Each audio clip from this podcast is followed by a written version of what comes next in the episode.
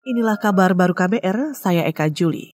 Saudara bekas Komisioner Komisi Pemilihan Umum KPU Wahyu Setiawan hari ini memenuhi panggilan Komisi Pemberantasan Korupsi KPK.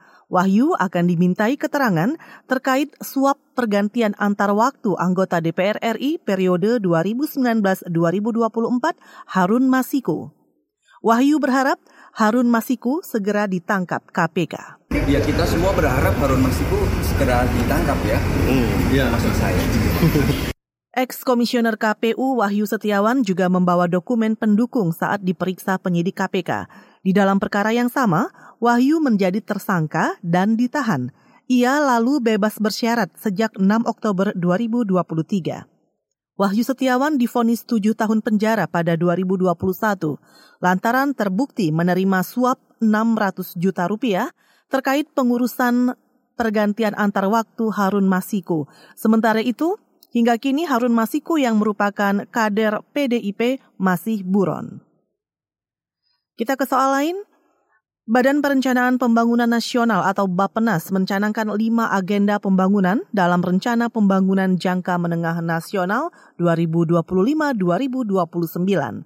Deputi Bidang Pemantauan Evaluasi dan Pengendalian Pembangunan Bappenas, Erwin Dimas, memerinci lima agenda tersebut, antara lain transformasi sosial, ekonomi, dan tata kelola supremasi hukum. Jadi lima hal ini itu merupakan tematik tanda kutipnya uh, prioritas kita saat ini gitu ya.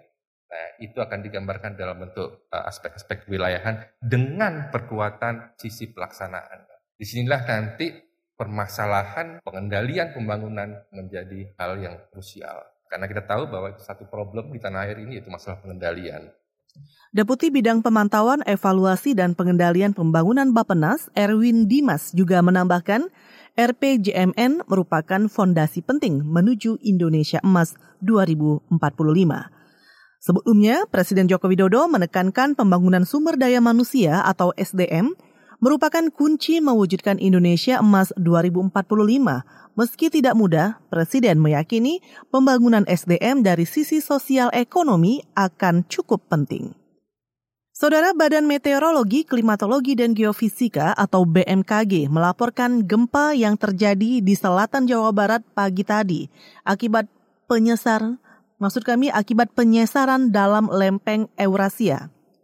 Dalam keterangannya, juru bicara BMKG Daryono mengatakan wilayah selatan Garut Tasikmalaya diguncang gempa bumi tektonik dengan magnitudo M5,5.